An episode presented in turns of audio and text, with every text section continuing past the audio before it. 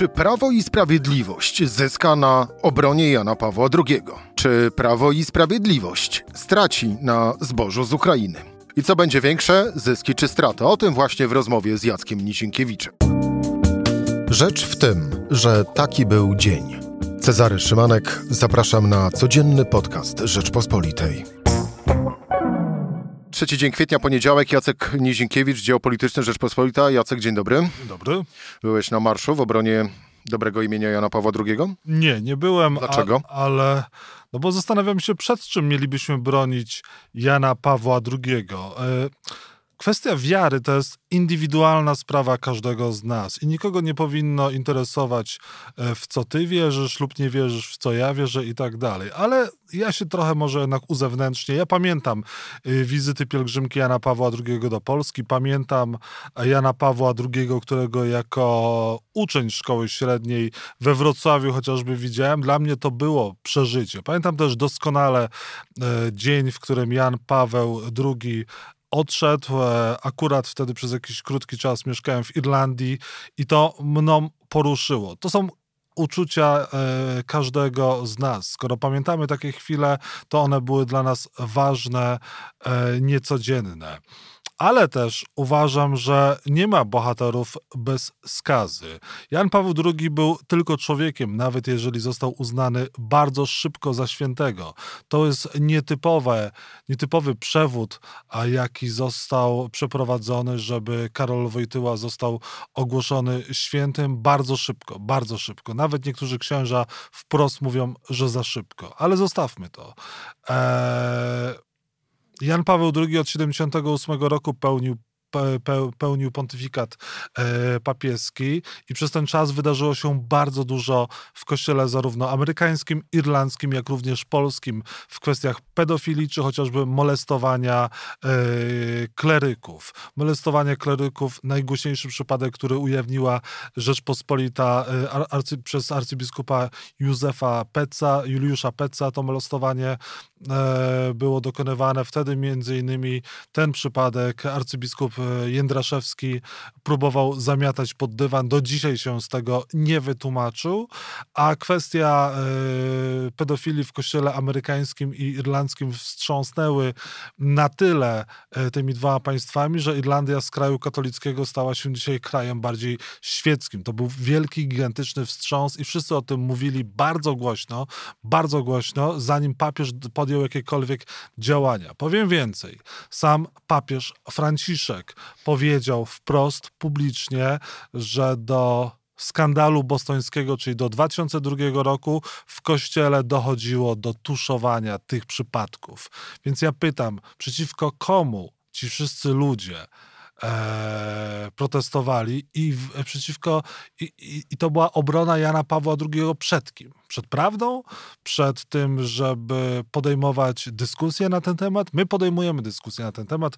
E, Rzeczpospolita jako pierwsza pisała o tych aktach, o tych sytuacjach, które budzą pewne wątpliwości. Powstał film e, przygotowany przez TVN 24, ser, seria filmów, książka. My również, e, Tomasz Krzyżak i Piotr Litka, dyskutują z tymi, chociaż z, tym, z tymi dziełami, z, tym, z tą książką i z tym filmem i ta dyskusja powinna się toczyć, ale nie może być tak, że próba jakiegokolwiek zadawania pytań, próba e, podejmowania dyskusji na temat tego, czy Jan Paweł II wiedział, bo wiedział. Pytanie, ile wiedział i co zrobił, to są od razu ataki na Jana Pawła II. To jest bzdura, więc e, odpowiadając na twoje pytanie, czy byłem? Nie, nie byłem i nie poszedłbym bez względu na mój pozytywny stosunek do Jana Pawła II, nie poszedłbym na marsz w obronie imienia e, Jana Pawła II, ponieważ to była polityczna chucpa zorganizowana w dużej mierze przez e, polityków, nakręcona przez e, media e, rządowe, a znaczna część ludzi po prostu została zmanipulowana. Oni mieli na pewno dobre intencje, jak najlepsze, mając ciepłe, pozytywne uczucia wobec Karola Wojtyły, które ja też mam, ale to, to, to nie ma przed czym bronić Jana Pawła II. To była to było absurdalne wydarzenie. Jeszcze też nawet dane są manipulowane, ponieważ Gesta Polska codziennie e, pisze o 200 tysiącach e, uczestników, e, no a pojawiają się dane oficjalne o 10 tysiącach uczestników, więc nie róbmy z tego, nie róbmy z, z Jana Pawła II, e, nie róbmy na nim polityki, bo myślę, że jedyne, co może zasko- zaszkodzić Janowi Pawłowi II, to upolitycznianie jego osoby, zapisywanie go do partii i robienie na nim polityków, więc jeżeli przed kimś ja bym Jana Pawła bronił, ostatnie zdanie, to przed politykami. I przed politykami należy bronić, szczególnie w roku wyborczym Jana Pawła II i pamięci o nim. Którymś konkretnie?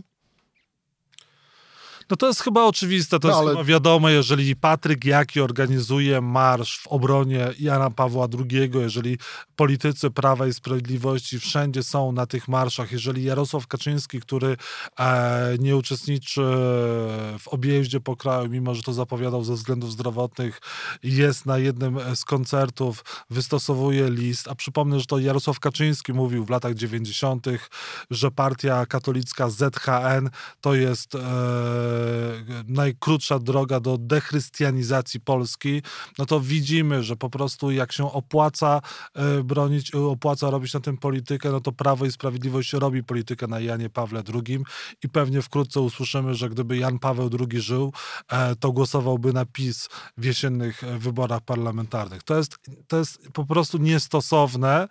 Ja nie atakuję, ani nie mam nic przeciwko tym wszystkim osobom, które wzięły udział w tych marszach, bo uważam, że tak jak duża część e, Polaków bierze udział w marszach e, 11 listopada, oni też mają dobre intencje. Po prostu to jest taki odruch e, i patriotyczny, i tutaj był odruch też e, odruch serca. No ale duża część z nich jest po prostu zmanipulowana. Naprawdę, jeżeli przed kimś trzeba bronić Jana Pawła II, to przed politykami. To ja też w takim razie y, się odsłonię. Też na marszu nie byłem i y, też bym y, nie, nie poszedł, bo tak naprawdę, no właśnie, nie ma przed, przed czym i przed kim bronić. Więcej, ta dyskusja, rozmowa, debata na ten temat, ona powinna trwać. Zapytałeś w drugim pytaniu, na, na które ja ci nie odpowiedziałem, e, czy to może komuś zaszkodzić No politycznie. to nie, to o tym za chwilę, o Tak. tym za chwilę, Jacek. Bo chciałbym jeszcze przywołać e, do owego, jak się tak już otwieramy, m, to chciałbym również przywołać cytat e, z kolei z komentarza Michała Szulżyńskiego, naszego redakcyjnego kolegi, który e, na łamach RPPL również tłumaczył, dlaczego nie uczestniczył e, w owych którymkolwiek z y, marszów.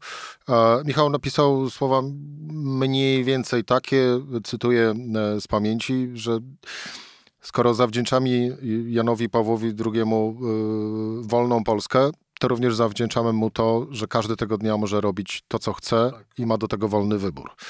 A, I tutaj postawmy, postawmy kropkę. A teraz w takim razie tak, wracamy do postawionych pytań e, na samym początku przeze mnie.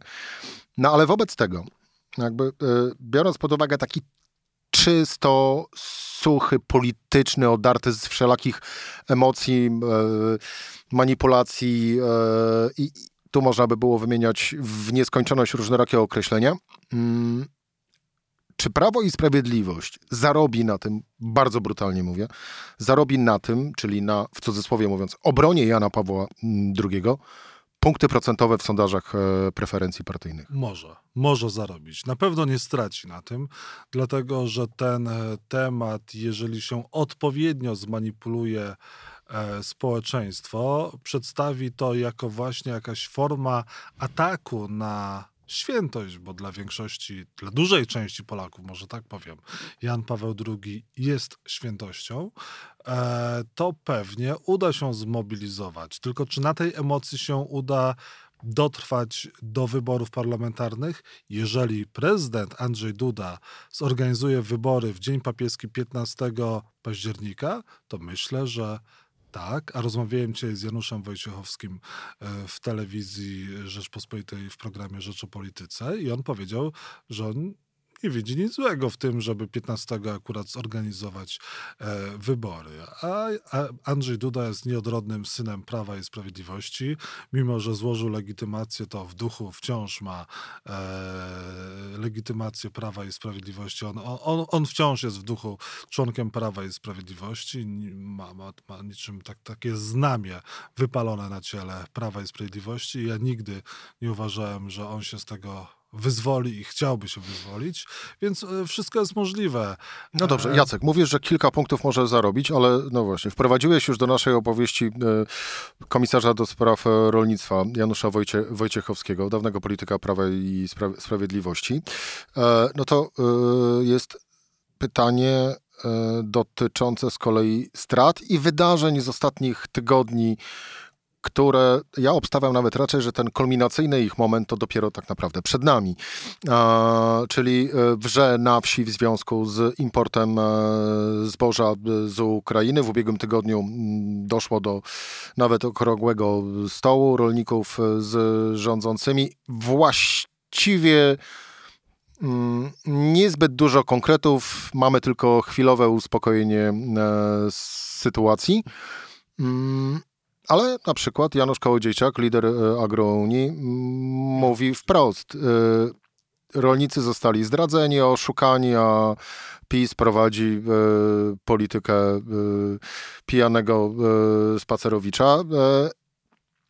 Ile punktów Prawo i Sprawiedliwość straci na konflikcie z rolnikami? Oj, może stracić, bo tutaj sytuacja jest skomplikowana i wielopłaszczyznowa. Po pierwsze, ten okrągły stół, o którym wspomniałeś, w Ministerstwie Rolnictwa nie został zorganizowany mm, przez ministra rolnictwa z jego inicjatywy, z inicjatywy ministra Henryka Kowalczyka, tylko z inicjatywy i pomysłu Artura Balasza, takiego nieformalnego doradcy wielu ministrów rolnictwa. Ten okrągły stół trwał wiele godzin. Rolnicy bez podpisania porozumienia, które już wcześniej ogłosił w mediach mm, Henryk Kowalczyk, nie chcieli wyjść. W końcu ono skończyło się około 23. 11 punktów zostało tam mm, zapisanych, e, które mają zostać spełnione, ale to jest tylko zapowiedź obietnicy. To nie są spełnione, spełniane, realizowane obietnice, postulaty, tylko to jest zapowiedź ich realizacji, ale już wiemy, chociażby po tej rozmowie z Januszem Wojciechowskim, czyli komisarzem unijnym do spraw rolnictwa e, w Komisji Europejskiej, że chociażby punkt pierwszy, najważniejszy dla rolników, czyli wprowadzenie, przywrócenie ceł na produkty rolne, żywnościowe z Ukrainy, on nie zostanie wprowadzony. A jeżeli nawet by został wprowadzony jakimś cudem, to zanim on to wszystko wejdzie w życie, to potrwa wiele, wiele miesięcy, prawdopodobnie nie do wyborów. Janusz Wojciechowski wił się z odpowiedzią, no ale tak to wygląda, że te cła, czyli ten punkt najważniejszy, one nie zostaną przywrócone. I ta rozmowa, jest... tylko tutaj y, na chwilę się wetnę, ta rozmowa do obejrzenia na stronie rp.pl. Tak jest. I to jest już jeden duży problem. Część rolników już zerwała te porozumienia z e, Ministerstwem Rolnictwa. Powiem taką anegdotę, może tego nie powinienem mówić, ale trudno, zdradzę o, kulisy.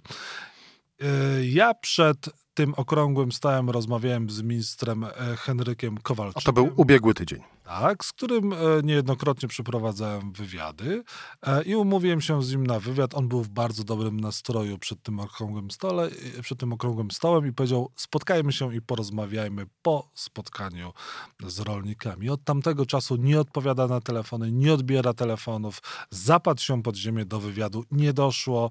Nastroje w Ministerstwie Rolnictwa nie są najlepsze. Tym bardziej po tym, e, po tej wypowiedzi, myślę, komisarza Janusza Wojciechowskiego. Kolejna płaszczyzna problematyczna, która jest wokół rolników, to sam spór w rządzie Solidarnej Polski i Prawa i Sprawiedliwości. No, Solidarna Polska ustami Janusza Kowalskiego, nomen omen wiceministra rolnictwa domaga się dymisji Janusza Wojciechowskiego. To jest nieprawdopodobne. A dzień przed okrągłym stołem Zbigniew Ziobro urządził konferencję prasową. Zbigniew Ziobro, nie tylko szef Solidarnej Polski, ale minister sprawiedliwości i prokurator generalny. I na tej konferencji on powiedział, że jako minister sprawiedliwości będzie domagał się od premiera Mateusza Morawieckiego przywrócenia ceł na e, produkty rolno-żywnościowe e, z, z Ukrainy. Ukrainy minister sprawiedliwości. I on wystąpił rzeczywiście z takim postulatem na Radzie Ministrów, żeby właśnie premier wystąpił e, do Komisji Europejskiej. No i rzeczywiście taki wniosek został skierowany. Więc tutaj Solidarna Polska również chce ugrać niemało na tych protestach rolników. Wiem, że Janusz Kowalski z dużą częścią rolników ma dobre relacje e, i ministrowie Solidarnej Polski trochę jakby grali przeciwko własnemu rządowi, przeciwko premierowi no Morawieckiemu. Jacek, nie pierwszy raz. Henrykowi Kowalczykowi, więc to jest jedna oś sporu w samym rządzie. E, druga oś sporu to już jest e, na linii opozycja Prawo i Sprawiedliwość, tylko nie opozycja ta największa partia, Platforma Obywatelska PiS, tylko Prawo i Sprawiedliwość, e, uwaga, Konfederacja. I Konfederacja bardzo sprawnie działa i pomaga rolnikom się organizować, nie wychodzi przed szereg, nie robi e, mnóstwa konferencji w tym temacie, tylko nakręca rolników i te bunty mogą trwać i one mogą też przenieść się e, do mediów społecznościowych w sensie nagłośnienia tych protestów, a jak dojdzie do e, awantur ulicznych, jak na przykład w Szczecinie, kiedy dzisiaj rozmawiamy, e, traktorami rolnicy jeżdżą, robią hałas, blokują ulice, to w pewnym momencie ludzie się na to wkurzą. Jeżeli dojdzie do nich, że ci rolnicy rzeczywiście mają problem ze sprzedażą swoich produktów rolnych, ponieważ rząd nie zadbał o to, żeby pomagając Ukrainie zadbać o rolników i ma, są wysokie ceny nawozów, wysokie ceny paliw, to opinia społeczna stanie po stronie rolników. I ten gniew społeczny mm, przeniesie się na nieudolny rząd, który był alarmowany już w czerwcu zeszłego roku, że taki problem może nastąpić. I to były y, y, informacje ponad podziałami od Konfederacji przez PSL do, do Platformy Obywatelskiej, alarmujące wypowiedzi, że może być problem ze zbytem polskiego zboża e, po napływie ukraińskiego, e, ukraińskich produktów. Donald Tusk o tym mówił głośno i te jego słowa wtedy w czerwcu minionego roku odbiły się największym echem, na co odpowiedź rządzących była taka, że Tusk próbuje podzielić Polaków i Ukraińców. No, dzisiaj, wiadomo. Dzisiaj Prawo i Sprawiedliwość przyznaje rację Donaldowi Tuskowi.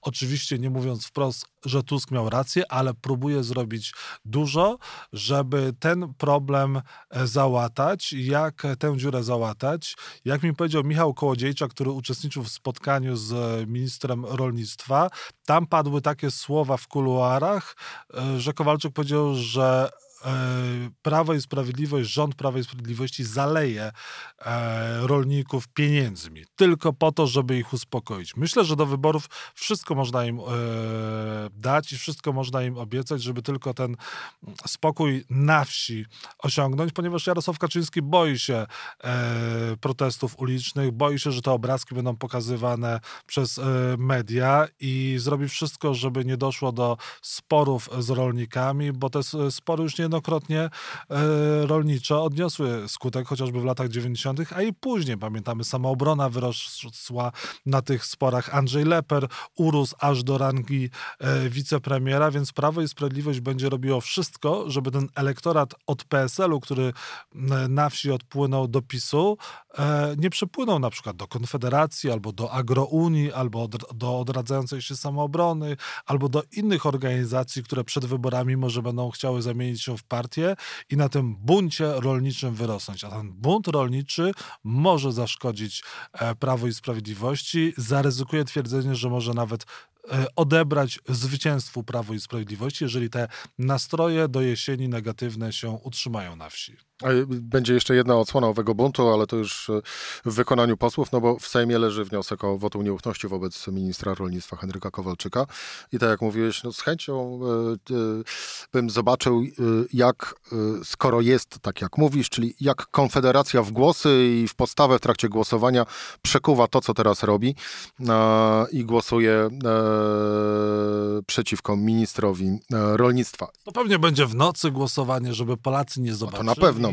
E, ciekaw jestem, jak się zachowają posłowie e, Prawa i Sprawiedliwości wywodzący się z Solidarnej Polski. Czy oni zagłosują za tym Kowalczykiem, czy się wstrzymają, a może Janusz Kowalski wyjdzie i będzie e, bronił z mównicy sejmowej ministra rolnictwa. To wszystko będzie naprawdę bardzo ciekawe. Podsumowując, Jacek, na jednej ręce zyski związane z obroną dobrego imienia Jana Pawła II, na drugiej straty związane z konfliktem Prawa i Sprawiedliwości z, ro, z rolnikami.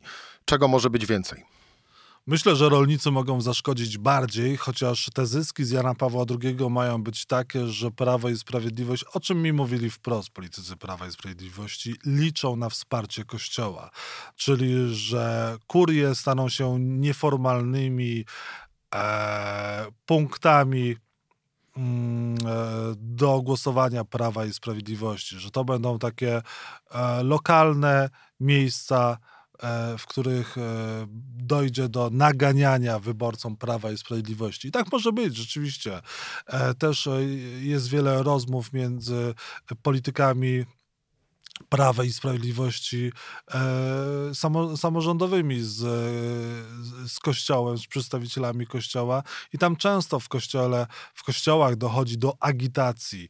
Głosujcie na Prawo i Sprawiedliwość. I na to liczą politycy Prawa i Sprawiedliwości, też przywdziewając się w obrońców Jana Pawła, a powtórzę, Jan Paweł, jego autorytet obroni się sam, nie potrzebuje polityków, nie potrzebuje polityków prawa i sprawiedliwości, żeby wykorzystywali ten autorytet. Nie zapisujcie Jana Pawła II do żadnej partii. Apelował Jacek Nizinkiewicz i podpisuje się również pod tym, pod tym apelem. Jacek Nizinkiewicz, Rzeczpospolita, dziękuję Ci bardzo za rozmowę. To była rzecz w tym w poniedziałek. Cezary Szymanek, zapraszam jutro o podobnej porze.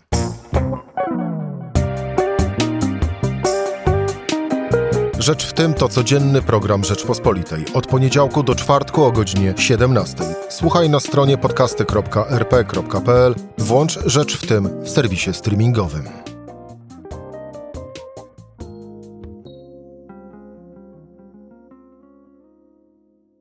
Poznaj mocne strony Rzeczpospolitej. Wejdź na prenumerata rp.pl. Polecam. Bogusław Rabota, redaktor naczelny.